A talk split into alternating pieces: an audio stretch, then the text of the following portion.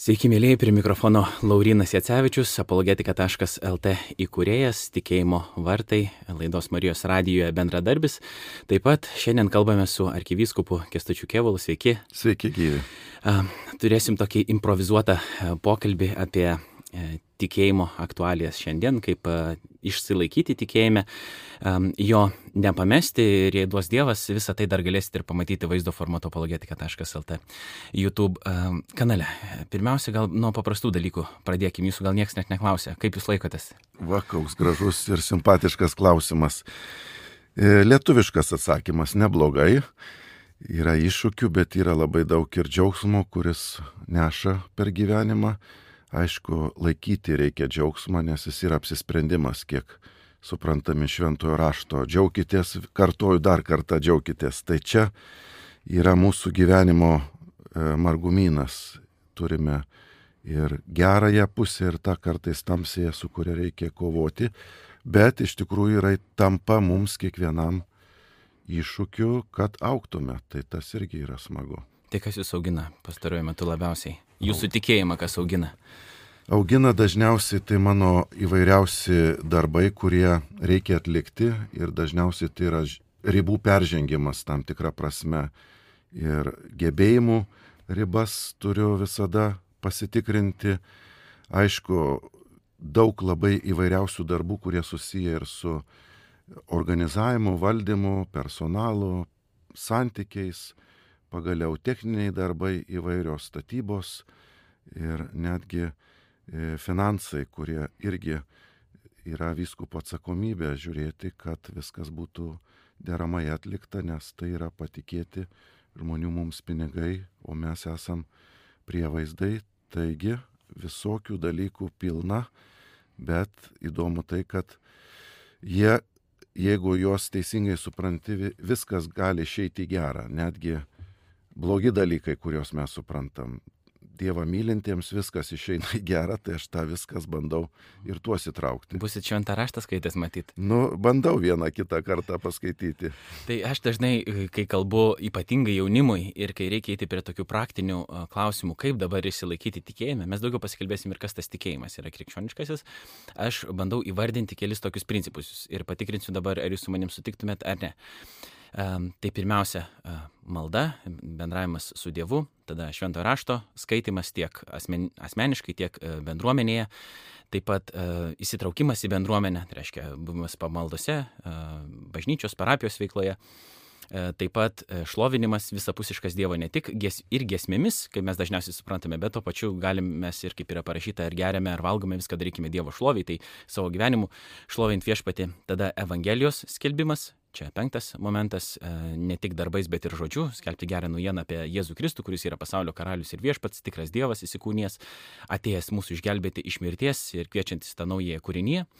Ir e, taip pat e, aš pridedu, kaip ne visai gal reklaminis momentas, bet bus reklaminis šiek tiek ir čia apologetika. Tai reiškia, racionalus tikėjimo pagrindimas, ne šiaip, kad mes tikime kažkuo, kad galbūt kažkaip yra, gal dė, sėdi dedukas koks nors ant debesies ir ten mūsų gyvenimus valdo ir dabar mes čia kažkaip bandom jam įtikti, bet iš tiesų, kad krikščioniškas tikėjimas yra intelektualiai turtingas ir mes turim tvirtą pagrindą savo pasitikėjimu Jėzumi Kristumi. Tai va tokie šeši yra dalykai. Um, ir ar jūs sutiktumėt su manim, kad kažkas tokio gali padėti mums krikščioniškam tikėjime aukti ir išsilaikyti ir gal kur turit kažką pridėti, ar gal norėtumėte išbraukti kažką iš šito sąrašo? Visiškai sutinku, tikrai yra labai puikus sąrašas ir aš sakyčiau, tai labai gražiai nuskamba advento laiku, kai mes ruošiamės kalėdoms, peržiūrėti tą sąrašą ir kažką savo ir viešpačiui dovanoti, žinant, kad ne visus dalykus mums pavyksta na, išpildyti.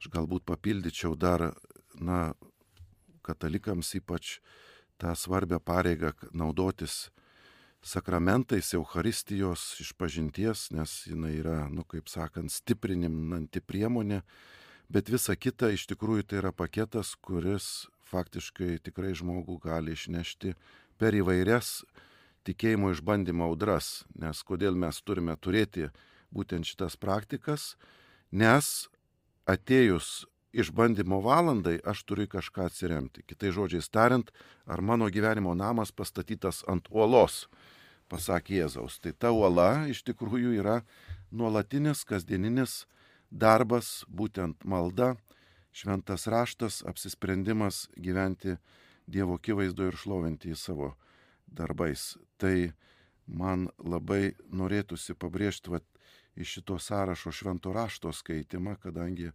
mes dažnai jį praleidžiam arba pasitenkinam tik tiek, kiek girdime liturgijoje, kad na, štai aš girdėjau, bet ten dažniausiai būna nedidelė ištrauka, jinai išimta iš konteksto, nematome viso e, pasakojimo e, spalvingumo. Ir dažnai būna taip, kad net ir nelabai klausomės, ne, mintis nuskrieja arba e, žiūrime į kitus dalykus, tai švento rašto skaitimas yra labai, na, sakyčiau, svarbi ir gali būti daug ką apsprendžianti veikla, nes tu gauni pamokas kasdienybei. Nes tai yra Dievo žodis, kuris kalba tau šiandien. Aš esu pabandęs ne vieną ciklą perskaityti šventą raštą per vienus metus yra tokios programėlės, kur po keletą skyrių ir žiūrėk, šventas raštas persiskaito tarsi lengvu būdu. Aišku, reikia to nuolatinio prisėdimo, bet jeigu viską imsi, nepakelsi, nes yra tiesiog sirupas, kaip sakant. Bet jeigu po truputį, tu gali tiesiog mėgautis, nes gali būti atradimai, ką viešpa šiandien kalba man, būtent konkrečiai per šį rašto tekstą, kurį skaitau. Ir labai daug visokių surprizų ir nustebimų, kad, o, ta knyga gyva, jinai išneka. Netikėtai. Taigi. Uh, kadangi jau laida e, tokiu pavadinimu tiesiai šviesiai, tai tiesiai šviesiai taip ir paklausiu. Viskupo darbas vis dėlto yra įtraukiantis daug įvairių, kaip minėjot, administracinių atsakomybių. Reikia makaluotis, daug keliauti, skraidyti, važinėti, kaip jūs man minėjote, telefonu, kažkada gaisrų gesinti. Mes irgi iš ketvirto karto tik susitarėm dabar susitikti ir tiesiog yra tokia realybė. Tai jum pačiam gyvenime kažkaip lieka laiko, sugebat, atrandat laiko, iš tikrųjų, nežinau, tada paskirti laiko maldoj, pabūti su viešpačiu, skaityti šventąją raštą ir visus tos kitus dalykus įgyvendinti, apie kuriuos kalbėjom. Taip, yra didelis iššūkis. Vienas iš didžiausių turbūt pareigų vyskupo, tai būtent neskraidyti ir lakstyti, bet melstis už Dievo tautą. Ir jeigu tu tik skraidai ir lakstai, aiškiai tu net lieki savo kaip ganytojo užduoties. Man yra iššūkis, aišku, tą dienos ritmą laikyti, nes dažnai būna įvairius nenumatyti dalykai, staiga skambutis ir pasikeičia visos dienos dienotvarkė. Bet aš bandau laikyti dvi dienoj e, tokias svarbes dalis, tai būtent ryto ir vakaro. Ryto pradėti su malda. Aišku, pirmiausia darau pratimus, nes nugarai turiu daryti jau įvairiausius. Tai ne maldos pratimus darot pirmiausia, darot fizinius pratimus. Fizinis, tai sakant, kad e, malonė yra statoma ant prigimties, o ta prigimtis tada irgi turi būti įspręsta, nes jeigu tau skauda ką nors, tai tavo ir maldos, ir rašto skaitimai visiškai kitokie. Taigi būna ryto valandos pačios turbūt sėkmingiausios, jeigu pavyksta jas skirti maldos laiko. Tai aišku, mūsų liturginių valandų malda, bet ir taip pat švento rašto skaitimas, kurį aš įtraukiu kiekvieną dieną ir taip žingsniuoju per dienas.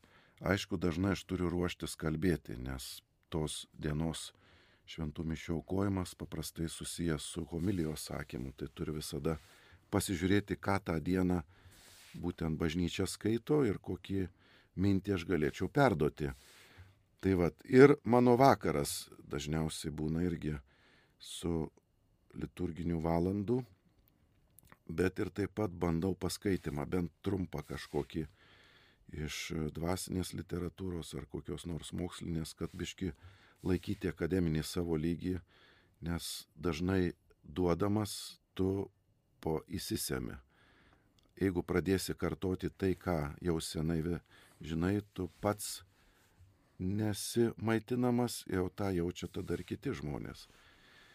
Tai va šitie du poliai, o paskui diena tai jau yra Dievo malonė, kaip jinai eina. Dažnai jinai yra būna gražiai sudėliota, bet ne visada pavyksta taip gražiai ją išpildyti. Tai yra iššūkis šitas gyvenimas tikrai ir fizinė prasme, reikia daug sveikatos turėti, bet taip pat ir dvasinės jėgos.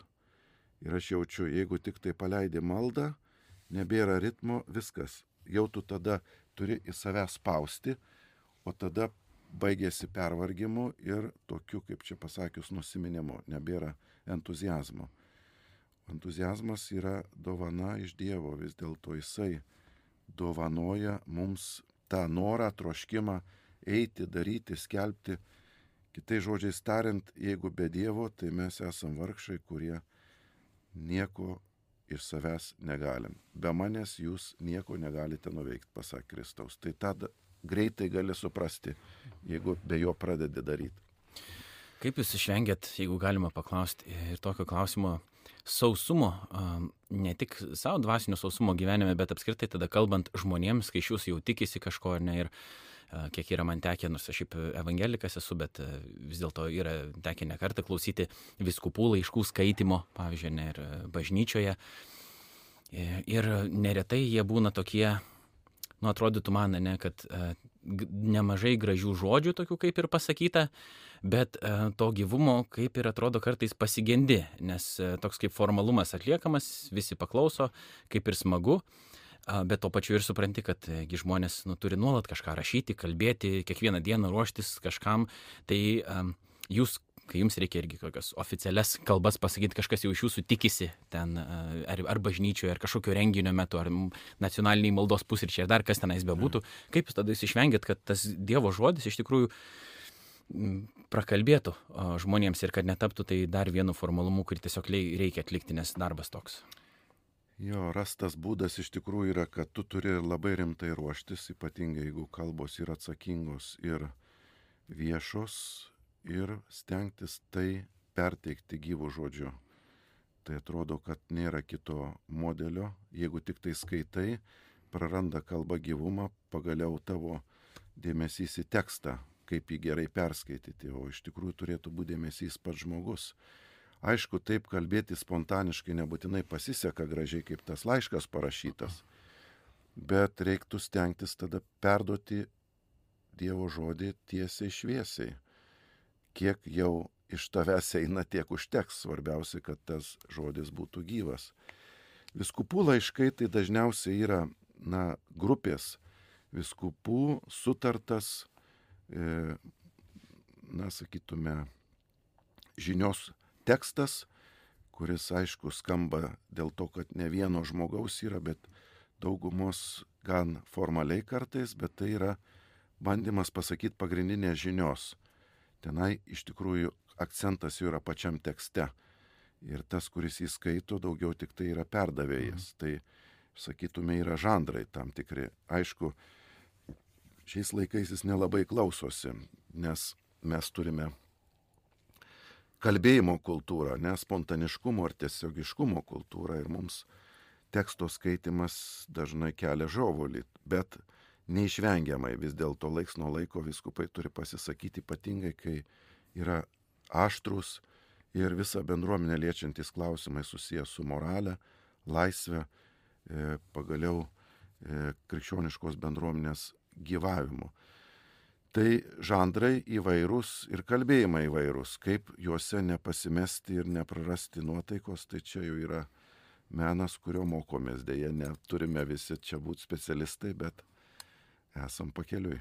Ir aišku, tie mm, žmonės, kurie klausosi, jie juk neturi būti vartotojai, ne, jie turi irgi gyvai dalyvauti savo mm, krikščioniškam tikėjime, turėti santyki su Jėzumi, nes kitu atveju atrodo, labai sunku net ir tada, kai pačiam prisiversti e, skaityti šventą įraštą, aišku, viskupų tekstai tai yra kitas dalykas, tai nėra įkvėptas Dievo žodis, bet ką man priminė tai, ką jūs dabar pasakėte, žanro e, dalykas, ne, kad e, apaštalų laiškai, kai buvo rašyti, e, jie buvo rašyti pirmiausia, kad būtų skaitomi. Taip. Ir nes mes turim tokia išskirtinė privilegija, mes galim prieiti prie tų tekstų ir patys juos skaityti. Ir, ir jūs sakot, kad mums reikėtų to daugiau daryti, nes mes esam tą galbūt apleidę e, ir nekreipiam dėmesį tokį, kokį turtą turim. Bet iš pradžių, taigi, pirmieji krikščionys E, klausydavosi tų tekstų, nes negalėdavo pats, pas daugumą nemokėjo skaityti. Pirmas dalykas, kitas dalykas - turėti savo asmeninę kopiją rytinio, kai dar ypatingai net nebuvo viskas sudėta į vieną kodeksą, tai reiškia viršė, po viršelių viskas pakišta, ne, tai mes gyvenam visiškai kitokį kultūrinį terpį ir klausyti gal net nelabai ir bemokam. Ir, ir kai daug vaizdų visokių um, yra, tai gal tada vesiu prie tokio klausimo, e, nuo šito atsispirdamas. Bažnyčioje ar tai būtų katalikų bažnyčia, ar e, kitos krikščioniškos e, bažnyčios, ortodoksų ar e, evangelinės, yra kalba apie tai, kad vis dėlto jinai turi atsinaujinti nuolat. Bent jau evangelikai turi tokį šūkį, ne eklezija semper reformanda, jinai nuolat turi atsinaujinti. Bet kaip dabar irgi atsinaujinti taip, kad nepamestum savo esminės žinios Jėzaus Kristaus ir kad tai, tai neužgoštų uh, tas mūsų atsinaujinimas, norint žmonės pasiekti, galbūt ar juos patraukti, kad tai nebūtų Kristaus sąskaita. Kaip jūs tvarkatės pats su tuo? Nu va, čia labai įdomus nuotykis šiuo metu bažnyčioje yra, kurį popiežius Pranciškus yra pakvietęs sinodališkumo kelias, kelionė. Ir visa bažnyčia yra pokalbėje šiuo metu. Jau metai praėjo, kai vietinės bendruomenės pasikalbėjo, dabar kontinentinės bažnyčios vėl gavę dokumentą šnekasi toliau.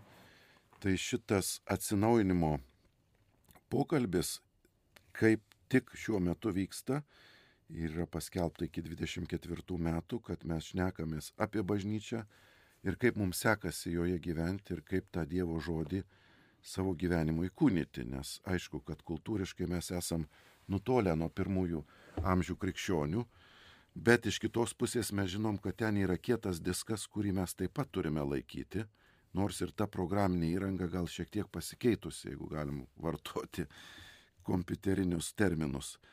Tai mums iššūkis tą reformandą, tą atsinaujinimą atrasti būtent šitoj kultūroje.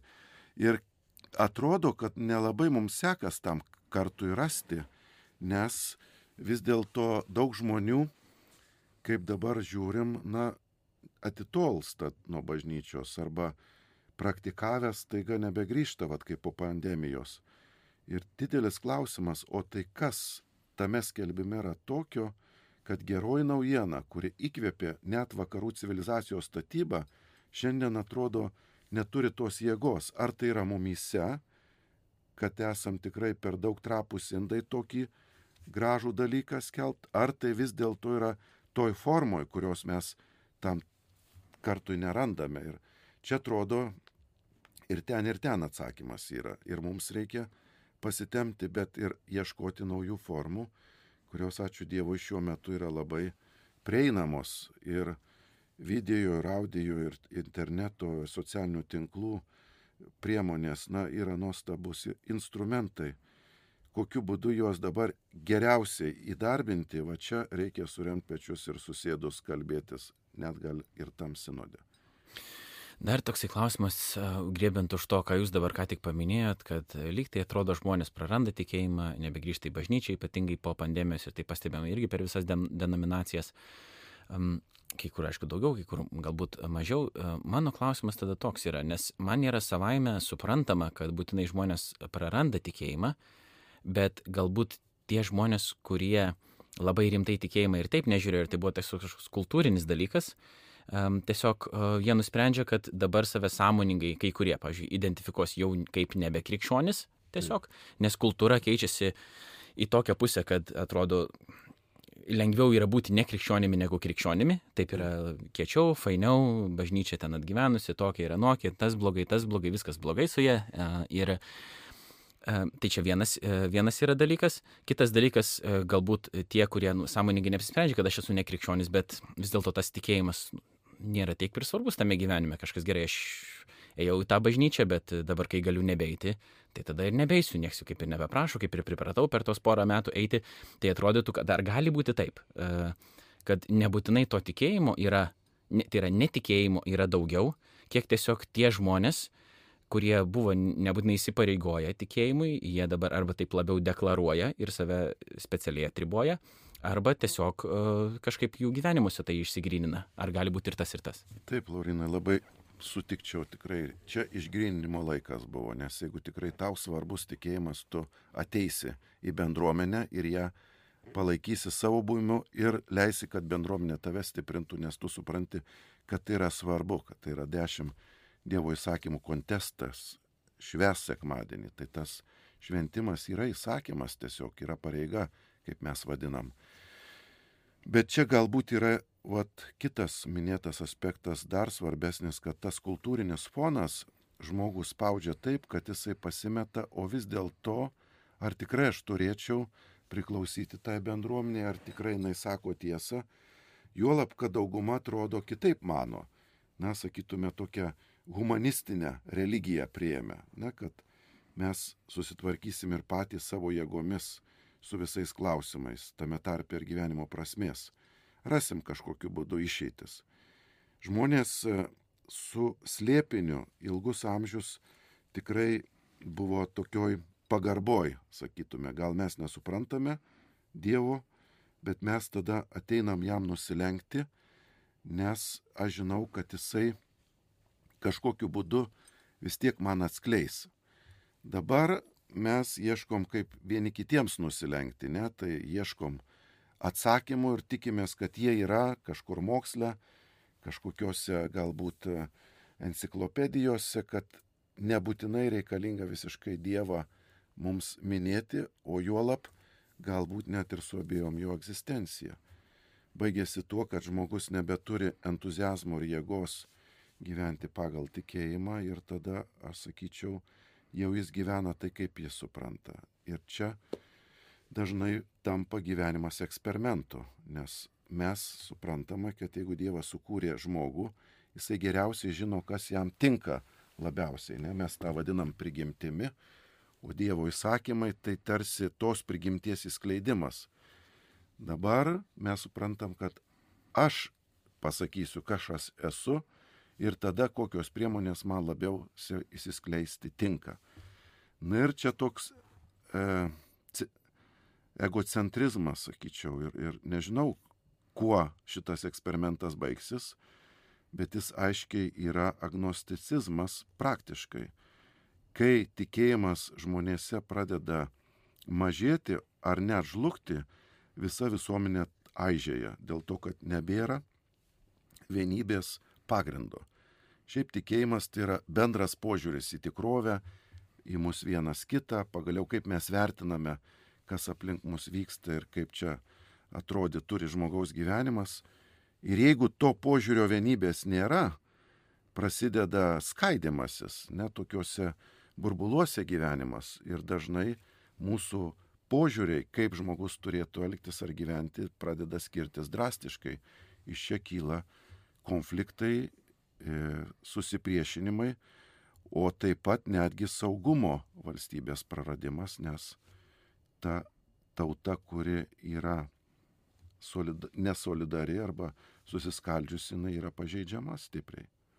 Toks e, socialinis kritikas, krikščionių mąstytojas Osas Ginesas kalba apie vakarų civilizacija kaip nuskintos gėlės arba nukirptos, nupjautos gėlės civilizacija, kuri nebeturi šaknų, dar jinai gražiai žydi, viskas kaip ir nieko, nes e, dar vis dar tos maistinės medžiagos, kurios tebe buvo joje, dar kažkiek veikia, bet galiausiai, kadangi jinai nebeturi šaknų, jinai yra išrauta, jinai nuvys ir e, tas, tas gražus paveikslėlis, tas gražus veidas kažkoks jo, jo, jo nebebus ir tada bus klausimas, o kas, kaip jūs sakot, vienyje žmonės, kas yra tas e, bendras pamatas, nes atrodytų žmonės galvoja taip natūraliai, kad tai ne krikščionybė, be abejo, ne krikščionybė, o mes visigi suprantam, kas yra ir žmogaus teisės, ir kas yra žmogus, ir kokia yra realybė ir tik užtenka truputį daugiau pabendrauti ne su savo rato žmonėmis ir pamatai, kad toli gražu yra ne taip, kad kitas žmogus gali visiškai kitaip, Rusijos vadovas gali visiškai kitokias vertybės turėti, ar netgi nemaža dalis tautos gali turėti e, skirtingas vertybės e, negi tu pats.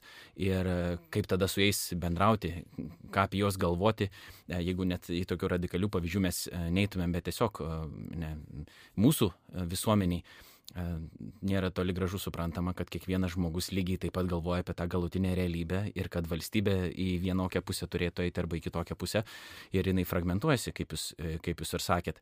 Bet ar įmanoma iš vis yra grįžti e, prie, prie tokio, nu nežinau, bendro tikėjimo, ne, kuris buvo ilgą laiką, bent jau nominaliai buvo krikščioniškas, ne, nesigilinant, kaip jis atėjo uh, į Lietuvą dabar, nominaliai bent jau tai buvo klausimas, kiek iš tikrųjų žmonių tikėjo, čia yra jau kitas klausimas, bet civilizaciškai tai tikrai mes stovėjome ant judėjo krikščioniško pamato, ne tik Lietuva, bet ir absoliučiai visa vakarų civilizacija. Dabar tas pamatas aižėja, žmonės sako, mums to nebereikia, mes galim viską ir patys pasidaryti, po truputį fragmentuojasi žmonės ir dabar ar įmanoma tada grįžti atgal prie to ir ar iš vis reikia? Aš manau, kad įmanoma, nes tai yra pasaulyje jau ne pirmas kartas tas eksperimentas, kur atitolsta visa tauta nuo Dievo, kas jai atsitinka, arba net visa civilizacija. Bet e, manau, kad mes turime kažkokį mechanizmą viduje, kuris mus vis gražina, tarsi GPS, kur yra nuolat nesvarbu, kur tu nukrypsi, vis rodo į tą kelionės tikslą, į kurį esu nustatytas. Ne, tai vis tiek tie galutiniai klausimai, jie vis tiek išlieka tie patys, kokia gyvenimo prasme, kas bus po mirties, ką aš čia veikiu. Tai ar tu tikintis, ar tu netikintis, čia tas tikslas tam klausimui jis labai aiškiai yra kiekvieno, na, sprendžiamas vienokiu ir kitokiu būdu. E, jau šiuo metu vakaruose yra ženklų, kur tie eksperimentai atrodo permastomi. Pavyzdžiui, Amerika paaugliai gali keistis lyti, jeigu panori ir tą valstybė atpažįsta kaip žmogaus laisvos valios išraišką ir netgi skatina tą padaryti, jeigu žmogus labai aiškiai išreiškia savo valią. Na ir jeigu tau yra 14-15 metų, tu tą pasidaręs gali atsibusti 20, kad ups, klaida. Ir šiuo metu man teko net stebėti vat, įrašus iš teismo procesų, kur 20 metė mergina jau teisė arba ieškinį padavusi savo valstijai, kuri jos paauglės neapsaugojo nuo šitos procedūros, nes ji tuo metu negalėjo pilnai spręsti, nes turėjo, neturėjo pilno suvokimo ar brandos tokį dalyką savo nuspręsti. Ir šiandien jos ieškinys dar kartą duoda perklausimo na, tokią pagrindą, kodėl aš tą dariau. Ir šiandien ta vat, visų išgarbinta laisvė vis dėlto rodo savo ribas.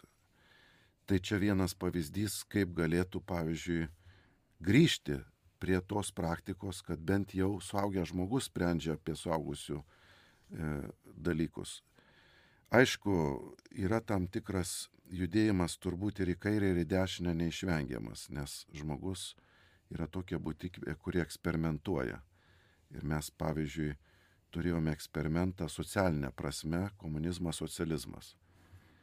Tai ne tik tai Rusija pabandė, bet daugelis vakarų kraštų, e, sakytume, svajonėse bandė gyventi toje tikrovėje, kurią nustatė Marksas kaip idealią. Ir šiandien matom, kad tai buvo socialinis eksperimentas, kuris atsisuko prie žmogaus prigimti, prieš patį žmogų ir jo visuomenę. Šiandien eksperimentas yra biologinė prasme, lyties prasme.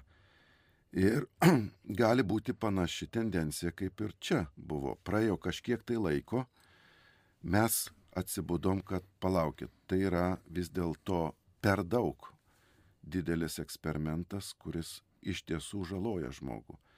Aš tikiuosi, kad žmogus yra pajėgus tai savęs korekcijai, nes vis dėlto mes kaip tikintieji sakom, kad Dievo dvasia veda žmonijos istoriją ir kreipia ją ir galop jo žodžiai, nebijokite, aš nugalėjau pasaulį. Tai galbūt vis dėlto reikia pasitikėti, kad ta pergalė yra viešpaties pusėje, dabar yra tik tai namų darbai, kurie vieną kartą pasiseka, kitą kartą ne taip. Du klausimai man ateina dabar į galvą jūsų beklausant. Pirmas, tai ne, klausiausi tokio pokalbio tarp mano bičiulio Gintaro Sungailos. E, ortodoksų dvasininko dabar jau komplikuotam labai santykiu su Maskvos patriarchatu, kaip jis nušalintas nuo kunigų luomo už savo pasisakymus prieš karą Ukrainoje ir už patriarcho Kirilo kritiką. Ir jisai kalbėjosi su mokslininku, gerai dabar atsimenu, iš Vilnius universiteto. Ir tuo pačiu toj pat laidoj pasisakė dar ir viena mokslo populiarintoja. Ir buvo kalba ir šiek tiek apie bažnyčios ir valstybės santyki. Sigita Ginteras pasisakė iš ortodoksinės tokios perspektyvos, kaip, kaip jie supranta, evangelikų ratuose yra, kadangi šiek tiek daugiau tų denominacijų, tai yra, būtų šiek tiek priklausytų nuo denominacijos, kaip yra žiūrima į dvasininkų dalyvavimą politikoje, katalikai galbūt dar turi tam tikrą kampą. Tai ką aš noriu, kad dabar man sureaguotumėt. Jūs išsakė dabar tam tikrą savo tokį požiūrį, prie jūsų gali pradėti kabinėtis, kad jūs nemylite žmonių, jūs neleidžiate jiem rinktis, žmonės daro, ką nori, jūs čia spaudžiat, taip toliau ir panašiai. Šitą irgi galėsime adresuoti. Bet jinai pasakė, kad ko tikrai negali daryti dvasininkai.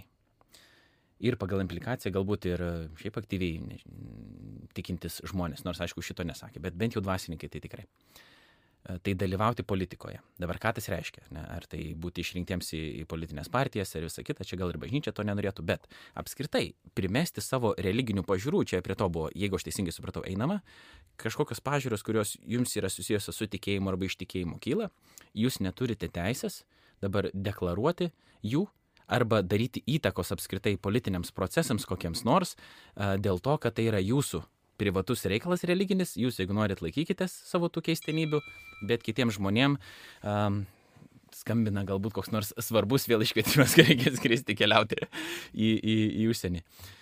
Bet, bet jūs šiaip negalėtumėte nei deklaruoti tų savo pažiūrų, nei tuo labiau, nei tuo labiau bandyti ko nors paveikti valstybiniu mastu. Kaip jūs, kaip jūs į tai reaguojat? Čia yra legitimus toks požiūris, ar vis dėlto yra problemų jame? Yra problemų jame, nes šiaip aš kaip krikščionis skaitau Evangeliją ir joje randu eikite į visą pasaulį ir skelbkite Evangeliją visai kūrinyjei. Visą pasaulį visai kūrinyjei. Viską apimant tame tarpe ir politiką. Ir jeigu mane riboja šitame skelbime, sako, kad vat, yra būtent viena sritis, kur tu to negali daryti. Tai yra jau aiškiai antikrikščioniška mintis, kadangi niekas man negali uždrausti, net ir pagal dabartinę mūsų teisę, turėti žodžio ir sąžinės laisvę. Taigi aš galiu pasakyti, kas yra mano supratimu blogai ir kas yra gerai. Ir pasakyti ne tik tai bendruomeniai, kuri galbūt nėra politikoje aktyvi, bet ir taip pat politinė bendruomenė. Nes e, čia yra skelbimas mano supratimu kaip pareiga, kuris neturėtų būti susaistotas arba kažkoks sąlygojimas. Jau politika tai jau yra tabų sfera. Tai kas yra politika? Yra artimo meilė mums visiems rasti kartu būdus sugyventi. Ir politika yra ta komanda, kuri tų būdų ieško. Dabar aš suprantu, kad aš turiu atsakymus ir jie ateina ne tik iš manęs, bet iš pačio kurėjo. Ir aš su jais nesidalinu, kad tarsi, oi, kažką įžeisiu.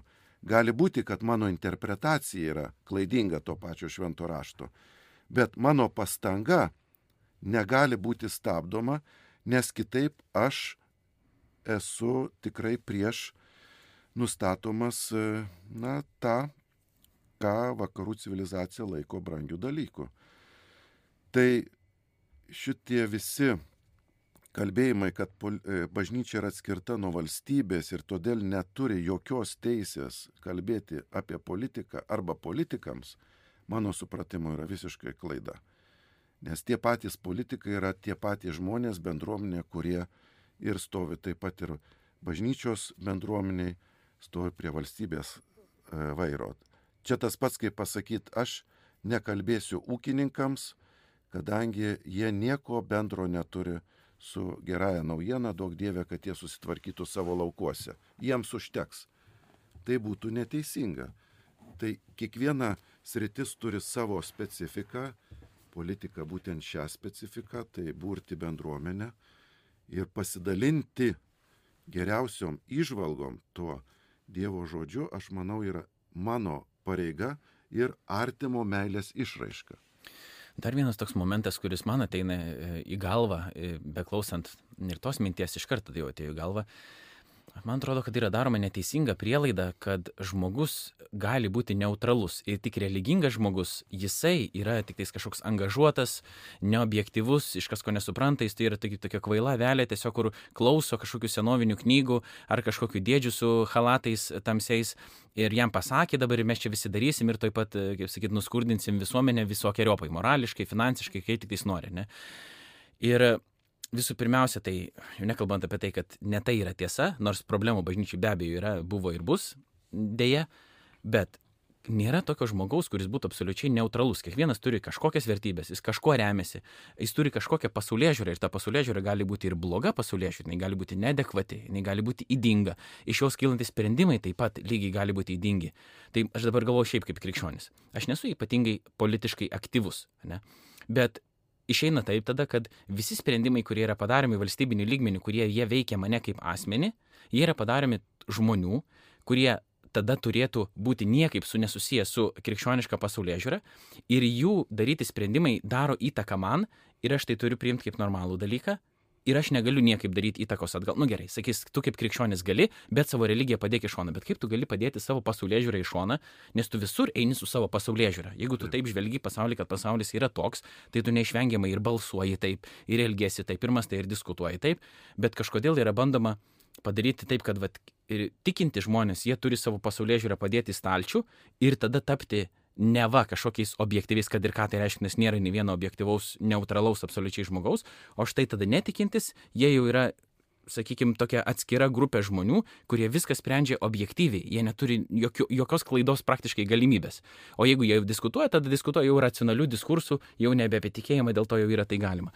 Ir turbūt tai labai daug problemų kelia, ne? nes e, realiai tai tada gaunasi, išeina taip, kad mes visi gyvenam tada valstybei, kur sprendimus padaro kažkas kitas, kuris galbūt vadovaujasi visiškai priešingą pasaulyje žiūrę negu mano. Taip. Ir jie turi teisę daryti sprendimus ir turi teisę diskutuoti, bet taip pat turi teisę turėti ir tas tikintis, atrodo, žmogus, ar jis būtų dvasininkas, ar kas tik nori. Taip. Bet kur, man atrodo, yra problema tada, jeigu čia dabar jau toks išsikalbėjimas įvyko, ne? kur atrodytų yra suprantama šitas priekaištas bažnyčiai. Kad vis dėlto nuo tada, kai Romos imperijoje buvo krikščionybė pirmiausia legalizuota, po to pirmasis krikščionis imperatorius, tada tapo populiaru būti krikščionimi, tada valstybė su bažnyčia persimaišiusi, ar ne, turėjusi irgi nemažai ir politinės galios po viduramžių. Ypatingai ir gerų, ir blogų dalykų dėl to buvo bažnyčios ir valstybės, sakykime, atskirimas, toks jau labiau praktiškiau įvykęs. Ir bažnyčia atrodo, nu, tikrai padarė kaip institucija, vadinkim taip, ne? Tokių sprendimų, kurie galbūt, ne galbūt, bet kurie buvo e, ir nenaudingi kai kuriems žmonėms, ir galbūt žalojantis, e, ir mes turime tai pripažinti, ar ne?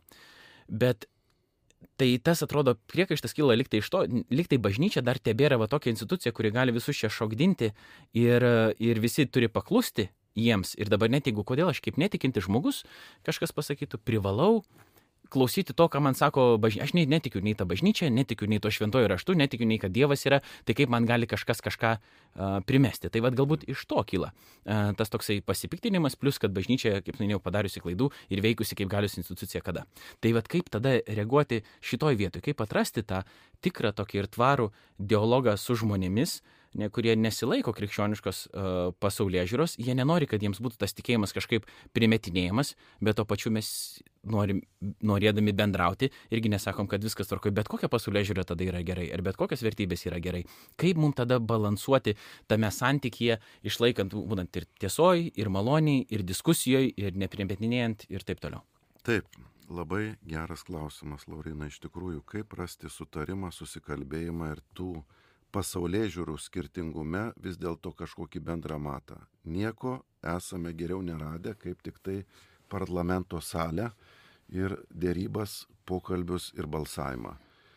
Tie, kurių argumentas laimi, kurie įtikimiau šneka, pagaliau kurių argumentas pasiekia kitų žmonių širdis, tas ir laimi. Ir kartais tai gali būti krikščioniškas argumentas, kartais gali būti kitas.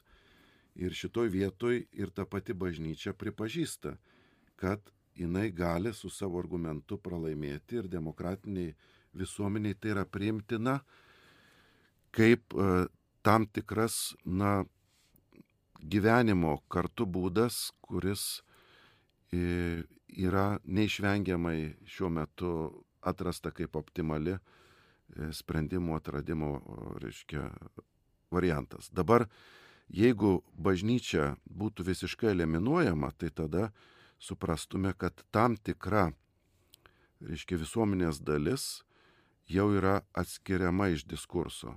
O tai nėra demokratinė visuomenė, nes kažkokia dalis savo galę naudojant kitų žmonių. Reiškia, jų pasaulyje žiūra yra iškeliama ant piedestalo ir ji tampa dominuojanti. Suprantam, kad pasaulyje žiūros tarpusavį tam tikrą prasme kovoja, bet mūsų pasiekimas yra tame, kad mes kovojame ne ginklais ir jėga ar žiaurumu, bet mes kovojame argumento jėga, o ne jėgos argumento. Tai reiškia, kad suprantam, kad gali būti pralaimėjimas, bet iš kitos pusės esam net leidžiami nuo pareigos skelbti geriausią mūsų supratimu visuomenės sugyvenimo versiją. Ir įstatymus pasiūlyti tokius, kur aš mąstęs, meldėsis, suprantu kaip optimaliausias variantas mums. Ir jeigu aš tyliu, aš net lieku savo krikščioniškos pareigos, kuri mums sako, eikite ir skelbkite.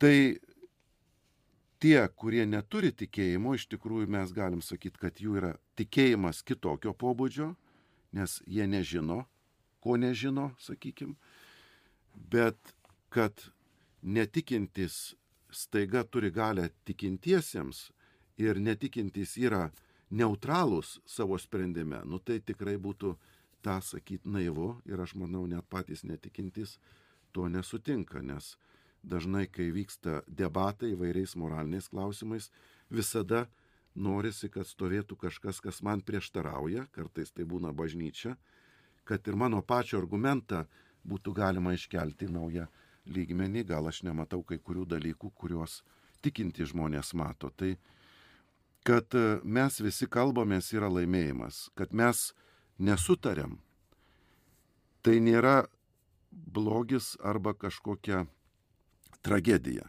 Mes galim sutart, kad nesutariam. Ir tai yra demokratijos e, nu, gyvenimo kartu e, duotybė. Šiandien, ačiū Dievui, mes neėmėmės kumščių, ginklų ir tai rodo, kad mums pavyksta kalbėtis, nors kartais krikščionys, sakykime, pralaimi toj pačioj parlamento saliai. Bet, nu ką, mes tikimės, kad anksčiau ir vėliau galbūt aiškumas ateis kitas ir mūsų argumentas laimės. Nenusimename kaip tie, kurie neturi vilties. Užbaigim gal dabar tokią mintim, kadangi man atrodo, kad viena iš problemų tokių yra dėl to baimės tokios nesutikti ir nesutarti. Ir dėl to reikia tarsi tada atskirti tos žmonės, su, kuri, su kuriais tu nesutinki. Tai nebūtinai neturi būti bažnyčia, bet jeigu kažkokios nuomonės, kurios nėra niekinančios, pavyzdžiui, asmenį arba skatinančios smurtą, bet tiesiog jos atrodo galbūt keistos, arba aš taip negalvočiau, bet yra žmonių grupė, kuri taip galvoja.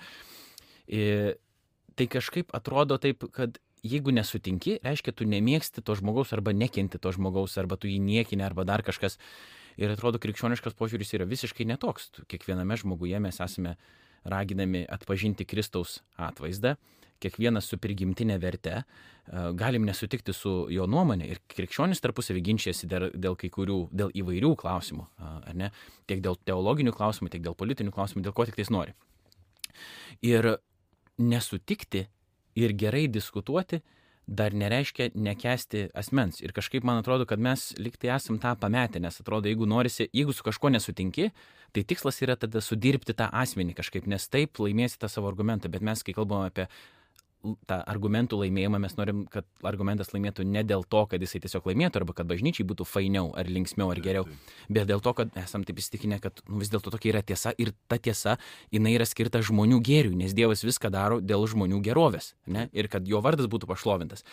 Bet jisai nori geriausio intereso, sakykime, žmonėms. Tai ir bažnyčia, ką bando daryti, arba bent jau tikinti žmonės, jeigu nepatinka, taip sakyti, bažnyčia kaip institucija, ne, tai norim, kad būtų žmonėm gerai, iš principo. Ir e, ne visą laiką viskas pavyksta, galbūt ne visą laiką mes viską suprantam, o kai kurie geri dalykai mums atrodo ir nelabai patogus, nes yra gerų dalykų, kuriuos aš esu asmeniškai kviečiamas. Mhm. Pavyzdžiui, šeimoje būti gerų vyrų savo žmonai, bet jie man yra nepatogus, bet jeigu aš juos darysiu, aš būsiu geresnis vyras savo žmonai, man mačiam galbūt sunkiau. Tai kaip jūs reaguojate tai ir nėra pas mus per daug to tokio nesugebėjimo e, diskutuoti dėl to, kad mes galvom, kad reikia būtinai tą oponentą kažkaip sugniuždyti, sutriuškinti, dėl to, kad jis tampa pats jau priešų, o ne, sakykim, kažkokia pozicija. Yra didelė klaida atmesti žmogų dėl tos vienos ar kitos nuomonės, kurią jisai turi, arba įsitikinimo. Pavyzdžiui, jeigu tu žiūri į Kristų, kuris sutinka nusidėlį, jo, nuomo, jo nuomonės nepalaiko, sako blogai, eik ir daugiau nenusidėk bet priema jį su meile, vad kaip ta moteris pagauta svetimaujant.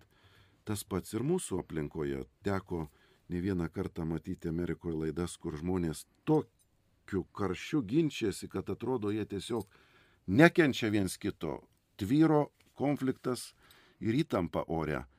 Ir paskui laidos pabaigoje sako, buvai tu geras žmogus, aš tave gerbiu, myliu, nors ir su tavo argumentu nesutinku. Tai va tokio nusistatymo mums reikia šiandien. Gerbti žmogų su visu jo, kaip sakant, nuomonių paketu ir tai, ką jisai žino, ką supranta, ta besąlygiška pagarba iš tikrųjų yra didelis mums iššūkis. Nu bet jeigu krikščionys negerbs kito žmogaus, jis galiausiai negerbė pačio Dievo. Pagaliau, tas žmogus gal neturėjo galimybės įsijausti į mano argumentą, paskaityti tai, ką skaitau. Gal tas žmogus yra tik tai kelionėje ir šito jam reikia, kad jis atrastų kažką daugiau. Aš negaliu teisti, nes aš nežinau viso e, gyvenimo horizonto jo. Todėl mano pareiga žmogų gerbti, su juo nesutikti, jeigu aš manau, tai yra nepriimtina, bet iš kitos pusės jį mylėti kaip broli ir seserį už tai, kad tas žmogus turi nuomonę. Už tai reikia mylėti, nes yra blogesnis variantas, kai žmogus už nieką nestovi ir jokių nuomonių neturi. Tai tas šventam rašte yra apibūdina kaip drungnumas. Ir tas yra, kaip sakant, net viešpačiui nepatinka. Jeigu žmogus šaltas, tvarkoj, tegu deda argumentus, jeigu karštas, taip pat. Jie yra viešpaties akise atrodo primtini, į abi pusės perlenkiantis. Kaip mums tokiais tapti? Aišku, turime žiūrėti į viešpaties pavyzdį, kuriam nebuvo žmonių skirstimo. Ačiū Jums, ačiū visiems, kurie žiūrėjote ir klausėte. Čia Laurinas Jacevičius. Šiandien kalbėjome su arkivyskupu Kestučiu Kievalu. Iki kitų pasimatymų ir susiklausimų. Sudėv. Sudėv.